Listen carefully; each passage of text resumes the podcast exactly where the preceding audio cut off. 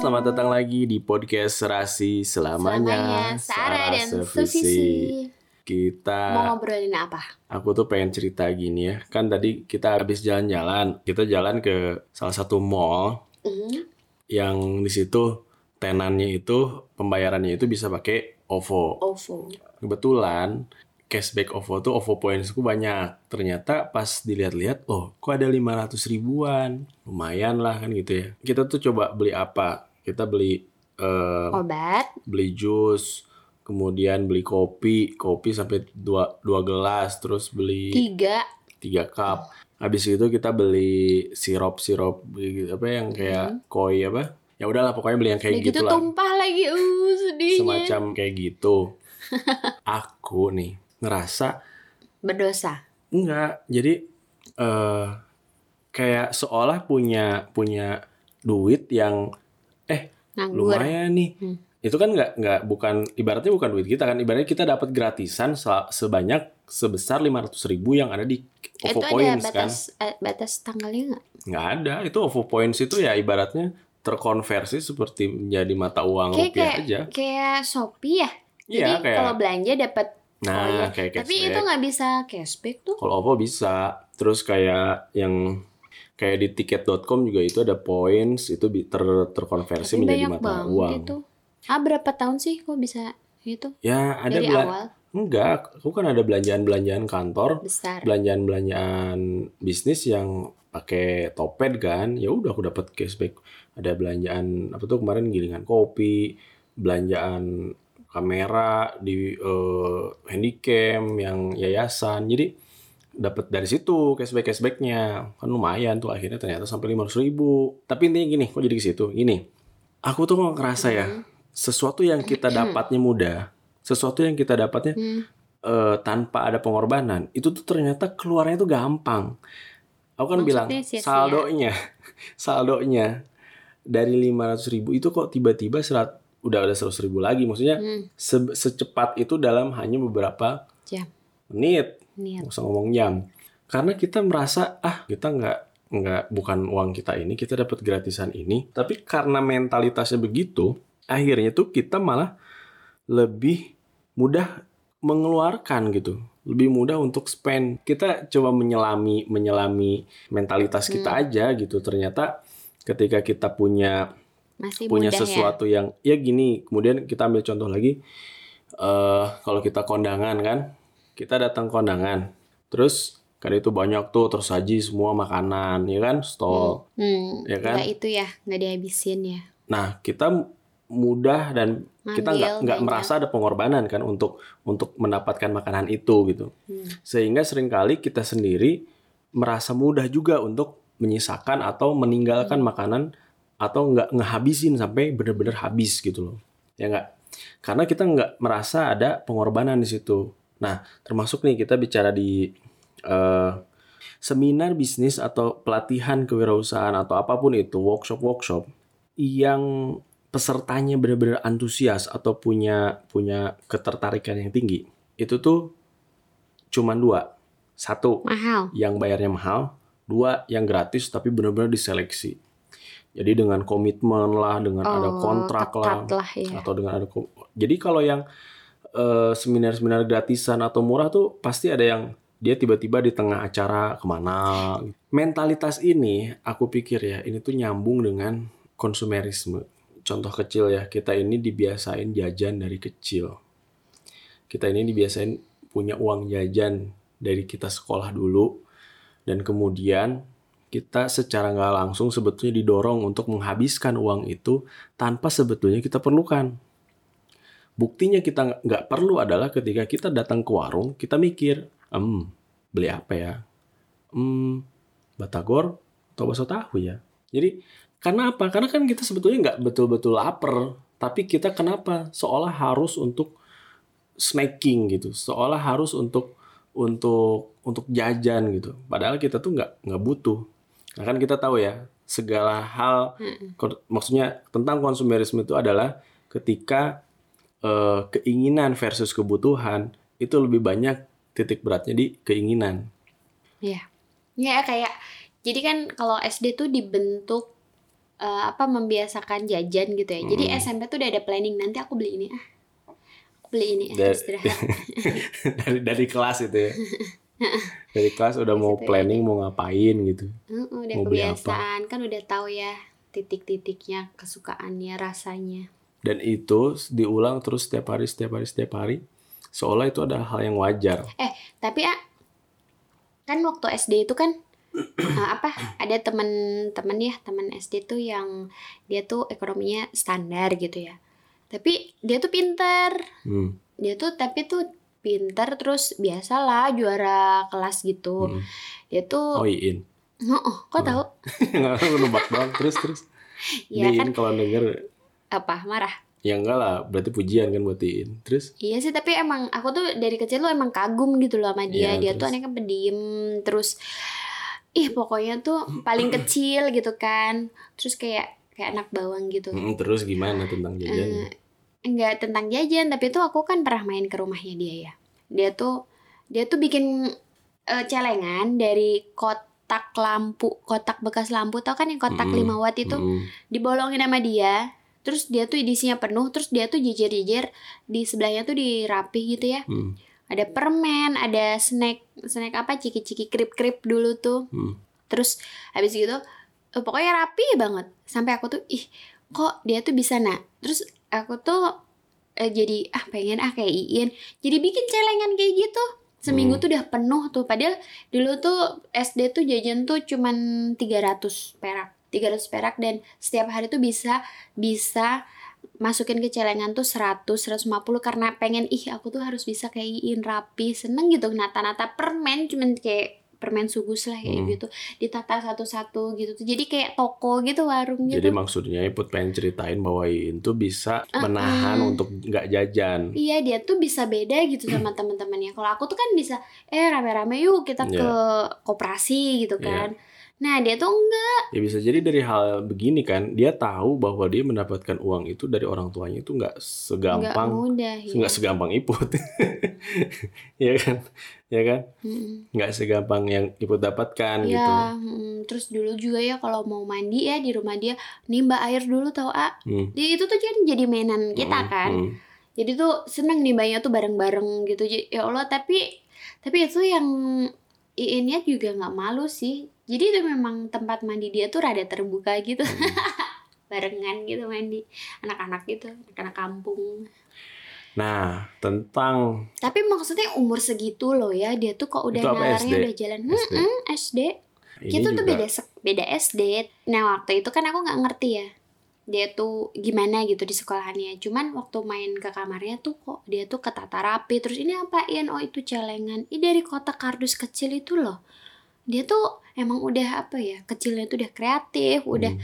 ngu- ngutek-ngutek gitu kan seneng ngulik-ngulik gitu Ya intinya kembali lagi ke konteks bahasannya adalah dia bisa menjaga atau menahan nafsu untuk dia ingin jajan gitu Nah, kan. terus orang tuanya tuh biasa ah maksudnya nggak ngajarin dia loh kayaknya apa cuek gitu loh Ya aku yakin malah eh aj- apa ya nggak orang tuanya nggak ngajarin tapi orang Iin tuh melihat bahwa orang tuanya itu bersusah payah untuk mendapatkan uang itu ya kan? Kemudian akhirnya dia jadi menghargai uang itu.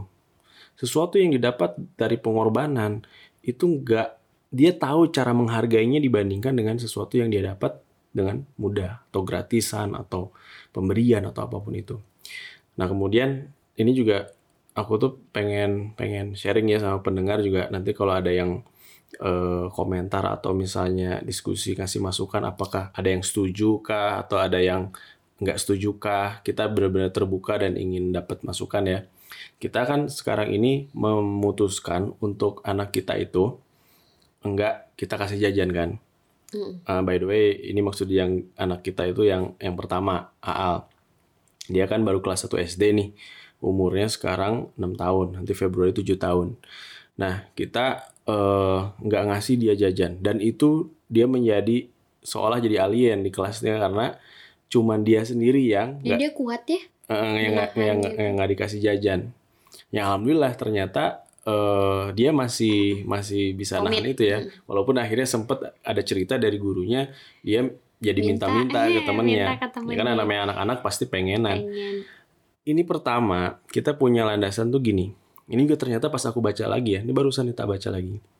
Menurut Imam Maliki dan Imam uh, Syafi'i, yang mana di Indonesia kita mazhabnya kan Syafi'i, itu jual beli minimal itu tuh adalah di usia tamyiz. Tamyiz itu apa? Tamyiz itu tamyiz itu adalah usia dia sudah bisa membedakan mana baik dan buruk. Tapi ini juga pengertiannya aneh. Karena kan ada ya misalnya umur 30 tahun tapi masih kecanduan game misalnya. Lah berarti kan umur 30 tahun itu dia belum bisa membedakan mana yang baik dan buruk buat dia. Tapi ada juga pengertian balik. Nah, kalau bicara balik berarti kan ini kalau kalau dia udah mukalaf artinya dia sudah eh, apa mimpi basah kah hmm. atau sudah keluar air mani lah gitu ya, udah udah terbebani ada syariat untuk dia. Kalau perempuan misalnya kan kalau udah haid itu baru sah dia bisa melakukan jual beli. Sedangkan kalau imam Imam siapa? Hanafi. Imam Hanafi dan Imam Hambali, Hambali itu boleh memberikan uang atau boleh anak kecil itu melakukan transaksi jual beli ketika orang tuanya mengizinkan atau transaksinya yang kecil-kecil. Nah, itu pilihan sih akhirnya memang ya. Yes. Tapi kalau kita ini adalah yang mengakui mazhabnya Syafi'i ya harusnya kita konsisten untuk uh, mengikuti fikihnya Imam Syafi'i. Nah, kita memilih untuk mengikuti fikihnya Imam Syafi'i bahwa kita tidak memberikan jajan kepada hal sekarang yang mana dia umurnya e, belum balik gitu. Kita jalan nih udah berapa hampir setahun berarti ya kita nggak ngasih jajan nih. Tapi akhirnya sempet tuh di suatu ketika Aal nih kayaknya udah hokcai banget. Hokcai tau nggak pun hokcai? Olohok sebagai ngaca itu dalam bahasa Sunda. Dia tuh jadi olohok ngeliatin gitu. Bisa ngacai pengen, pengen gitu. Nah mungkin kalau dia udah kadar hokcainya udah terlalu tinggi, kita dia jadi minta. iya kita makanya iya, nitipin iya. duit kan ke ke bu guru gitu untuk kalau misalnya ini udah terlalu keterlaluan dia pengen banget, ya udah minta uh, kita minta tolong. Mintanya tuh jangan jangan toel aja. Tapi kan ya ini yang mama tuh sampai sempet terharu gitu ya. Ya, terharu atau nangis sih? Terharu, ya, ya nangis kata kata mama. Hmm. Jadi maksudnya neneknya, neneknya Al itu ngelihat Al di sekolah di kelas sendirian uh, di kelas sendirian ketika jam istirahat terus karena uh, neneknya Al kasihan akhirnya ngajak Al untuk ke yang berjualan lah gitu karena waktu itu kayaknya waktu ada market day gitu ketika neneknya Al ini mau uh, ngasih sok Al mau beli apa sok pilih. Niti kan manggilnya Niti ke neneknya. Terus uh, apa nyuruh A untuk milih sesuatu lah gitu nanti dibeliin. A-nya tuh nolak. Jadi saking nempelnya entah kenapa pesen kita orang tuanya ke Al sampai Alnya tuh nolak pemberian. Iya. karena dan dia juga menahan diri untuk jajan aku juga kadang ya, tapi berpikir kayaknya ya, jajanannya itu nggak menarik buat dia. Ya mungkin ya ini dia nggak iya, suka jadi gak enak. Kalau kayak... menarik mungkin beda cerita ya. Iya.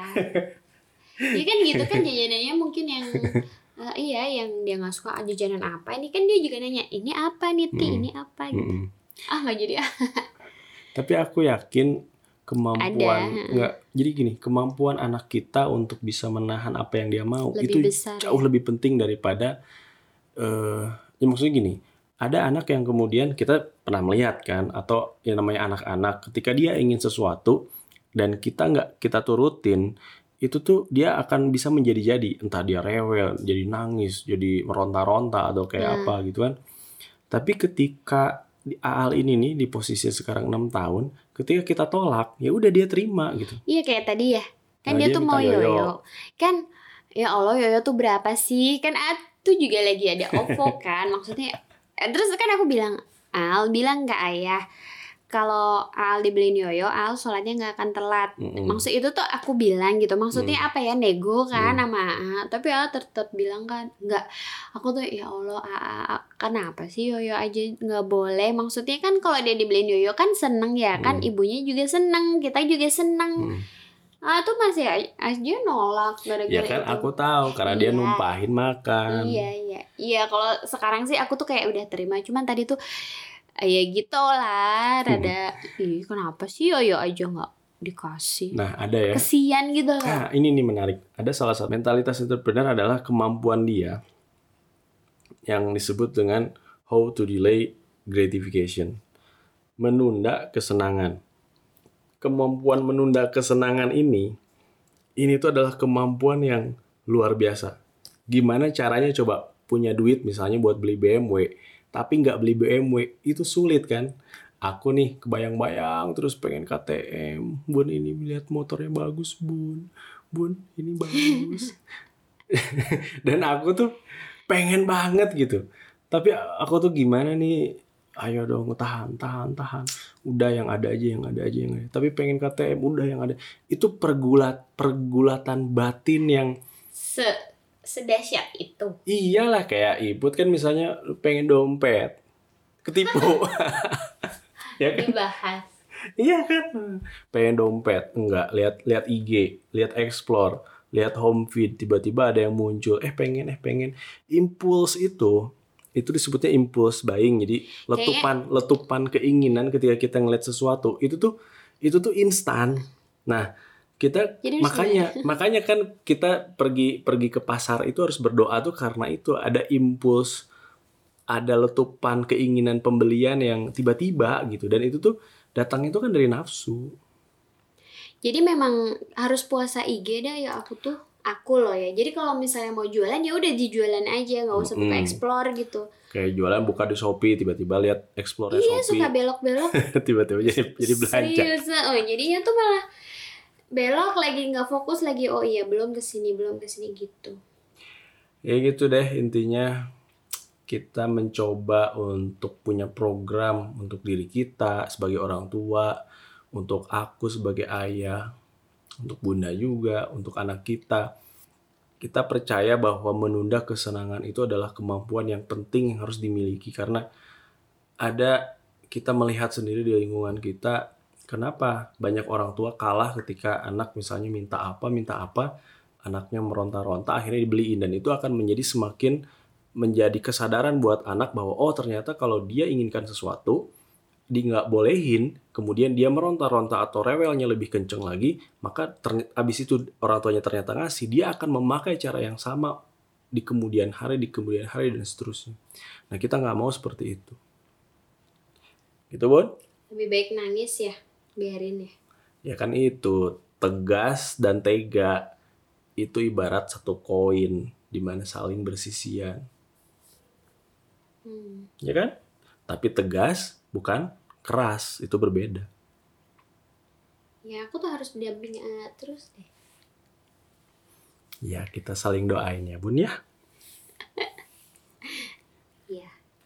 Terus tadi tuh mau ngomong apain lagi ya? apa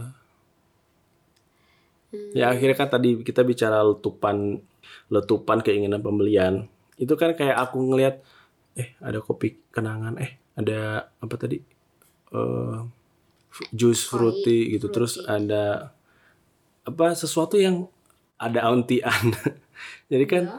sesuatu yang eh eh Tiba-tiba pengen ya? eh, eh, gitu loh makanya itu tuh sesuatu yang nih gimana ketika letupan itu muncul kita ada duit nih tapi kita bisa tahan tuh gimana caranya gitu tahu nggak Indonesia tuh ya krisis nih orang tuh tetap ganti HP baru orang-orang nih percaya semua asing nih percaya Indonesia itu sangat eh, resisten kepada krisis artinya ketika krisis ekonomi pun Indonesia itu bakal survive banyak orang yang percaya begitu kenapa karena itu terbukti di 98 di 2008 itu return atau rebound dari dia kejatuhan dan kenaikannya itu cepat. Kenapa? Karena konsumerisme orang Indonesia. Ini positifnya sih ya, positifnya. Karena tetap aja ekonomi akan bergerak ketika ada konsum ada konsumsi gitu. Kalau kita misalnya puasa terus nggak belanja ke supermarket ya nggak bergerak juga ekonomi secara roda besarnya gitu. Cuman ya kita harus akhirnya tahu ada batasnya itu di mana. Iya sih. Ya intinya gitu, mana yang dibutuhkan, mana yang diinginkan. Ukuran dari apakah ini keinginan, apakah ini kebutuhan, hanya kita yang tahu. Iya, jadi eh kayak aku tuh nggak mau anak-anak kekurangan gitu ya. Jadi pengen kue nggak ada gitu kan. Jadi itu kayak stok-stok gitu. Ya kan gini misalnya, ke- ke- keinginan kebutuhannya orang beda-beda nih. Orang yang punya duit banyak gitu, mungkin kebutuhan dia dia makan di yang semua yang organik tuh yang mahal-mahal itu oke buat dia gitu dan nggak ada masalah juga untuk kesehatan finansial dia akan tetap tetap aja sehat tapi buat kita misalnya kita wah terus beli yang organik organik organik. Akhirnya sebetulnya itu sesuatu yang yang yang kita paksain juga. Dan akhirnya bukan kebutuhan tapi malah jadi tergelincir juga pada keinginan. Ya gitu deh pendengar semua boleh berkomentar dong kasih saran buat kita nih apakah misalnya kak, tentang program kita nggak ngasih jajan kepada anak ada yang setuju kah ada yang nggak setuju kah ada yang tega. Tega sih waktu pertama bilang ya Allah ah masa sih nggak dikasih? Ya, satu-satu jarak yang nggak dikasih yang nggak dikasih jajan cuma anak kita. Eh, gurunya tuh tuh kan bilangnya jadi perjalanan menuju kantin itu adalah eh, apa komunikasi dengan teman terus meningkatkan apa ya? Ide. Ya itu kembali kalau kalau pikiran. kalau konsep kita teori kita ketika nanti Al udah eh, balik juga ya udah kita akan tetap kasih jajan. Malah kalau kita udah kasih jajan dan langsung aja kasih jajan yang langsung per bulan. Jadi nanti Iya udah sih.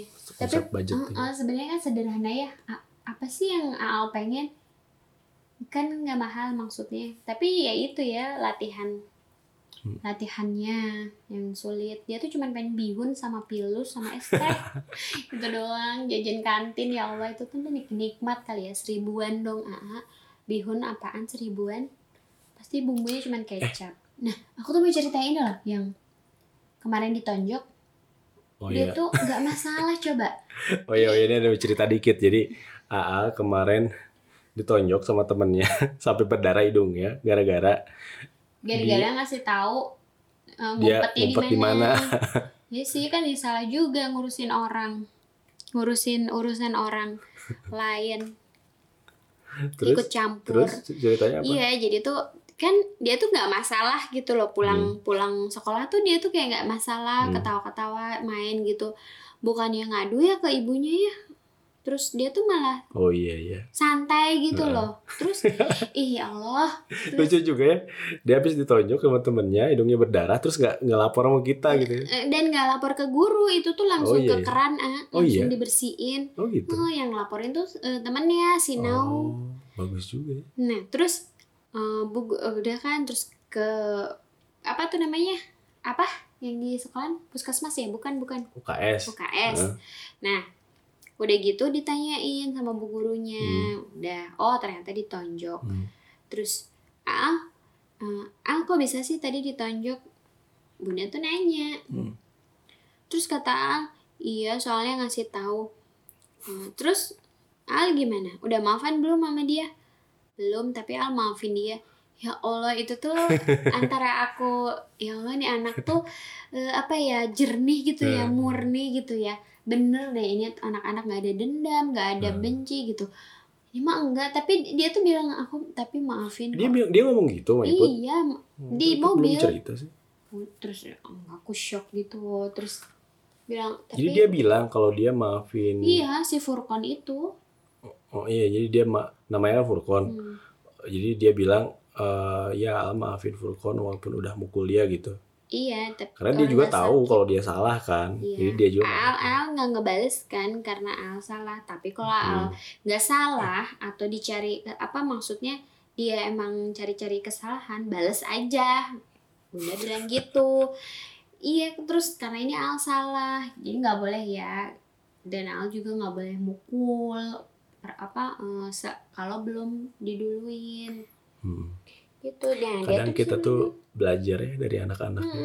Terus anak-anak tuh ini ini tuh yang aku- aku tuh masih yang gemuruh gitu loh Iya, aku pernah gambarin tuh anak-anak tuh ibarat mata air yang selalu jernih. Yang dia itu ya nggak dendam, dia mudah untuk melupakan Eh kesalahan tapi orang dia lain. pagi kan gini Kan jam 7 tuh kan Al sini peluk kan aku tuh emang kayak kangen gitu Hmm. kan sama Al Sini peluk dulu mau bunda Kenapa bunda Eh, Apa peluk-peluk A- Al tadi A- bunda marah-marah. Nah, iya Alnya nggak bangun-bangun. Udah tujuh kali bunda bangunin Dari jam 5 sampai jam 6 kan sholat subuhnya jadi telat. Dibangunin pakai ditepok itu tuh. Ke apa sapu lidi. Kan jauh kan naik. Kalau Al mah kuat ya gendong. Kok mau udah males gendong segitu narik gede banget tinggi. Terus? itu terus. Hmm, Bunda amat tadi marah-marah iya makanya kalau dibangunin tuh yang gampang. Udah jam 5 dibangunin sholat subuh jadinya kan telat udah terang. Tapi dia ya sama senyum-senyum gitu. Terus? Ya udah. Terus kan ya itu kan nonton TV kan nggak boleh kan Laika Hmm. iya kan Al saudaranya. Tuh. Akhirnya dimatiin dia tuh ya apa nerima ya? Nerima gitu. Aku tuh kasihan. Ya akhirnya karena ini tuh aku yakin ya awalnya adalah karena kita ya Tega. tadi cukup tega dan tegas. Jadi dia tahu bahwa melawan itu tak akan ada artinya. Ya kan? Ya nggak? Bener nggak? Karena dia akhirnya tahu kalau dia menolak atau dia melawan dari keputusan kita sudah terprogram dalam pikirannya bahwa melawan kita itu nggak akan ada artinya. Artinya dia nggak akan berhasil gitu intinya. Iya sih. misal dia ingin kayak ngambek. nggak ke ke masjid ya ah, Mm. gendong ya udah pasrah aja. Iya, iya dia pasrah. Akhirnya tuh dia kan tuh tapi dia tuh gendong tapi senyum senyum di belakang tuh kayak kan kalau mau nggak mau mah nggak mau banget ya nangis. Kan pernah ya sampai sampai kan ay- ayah sendal ya udah pokoknya aku kan gendong sampai di depan dia. Jadi dia tuh naik kita naik motor eh, aku ngadep depan dia ngadep ke belakang Hmm. gitu di di di pangkuan. Ya emang sih intinya anak-anak tuh memprogram anak-anak tuh bukan dengan omongan. Angkut angkut tarik tarik tarik dalam arti bukan yang kekerasan ya tarik dalam arti ya di di apa diajak tanpa banyak ngomong gitu. Ya udah deh udah beda bahasan juga. Oke bun kita tutup ya. Dadah assalamualaikum. Salam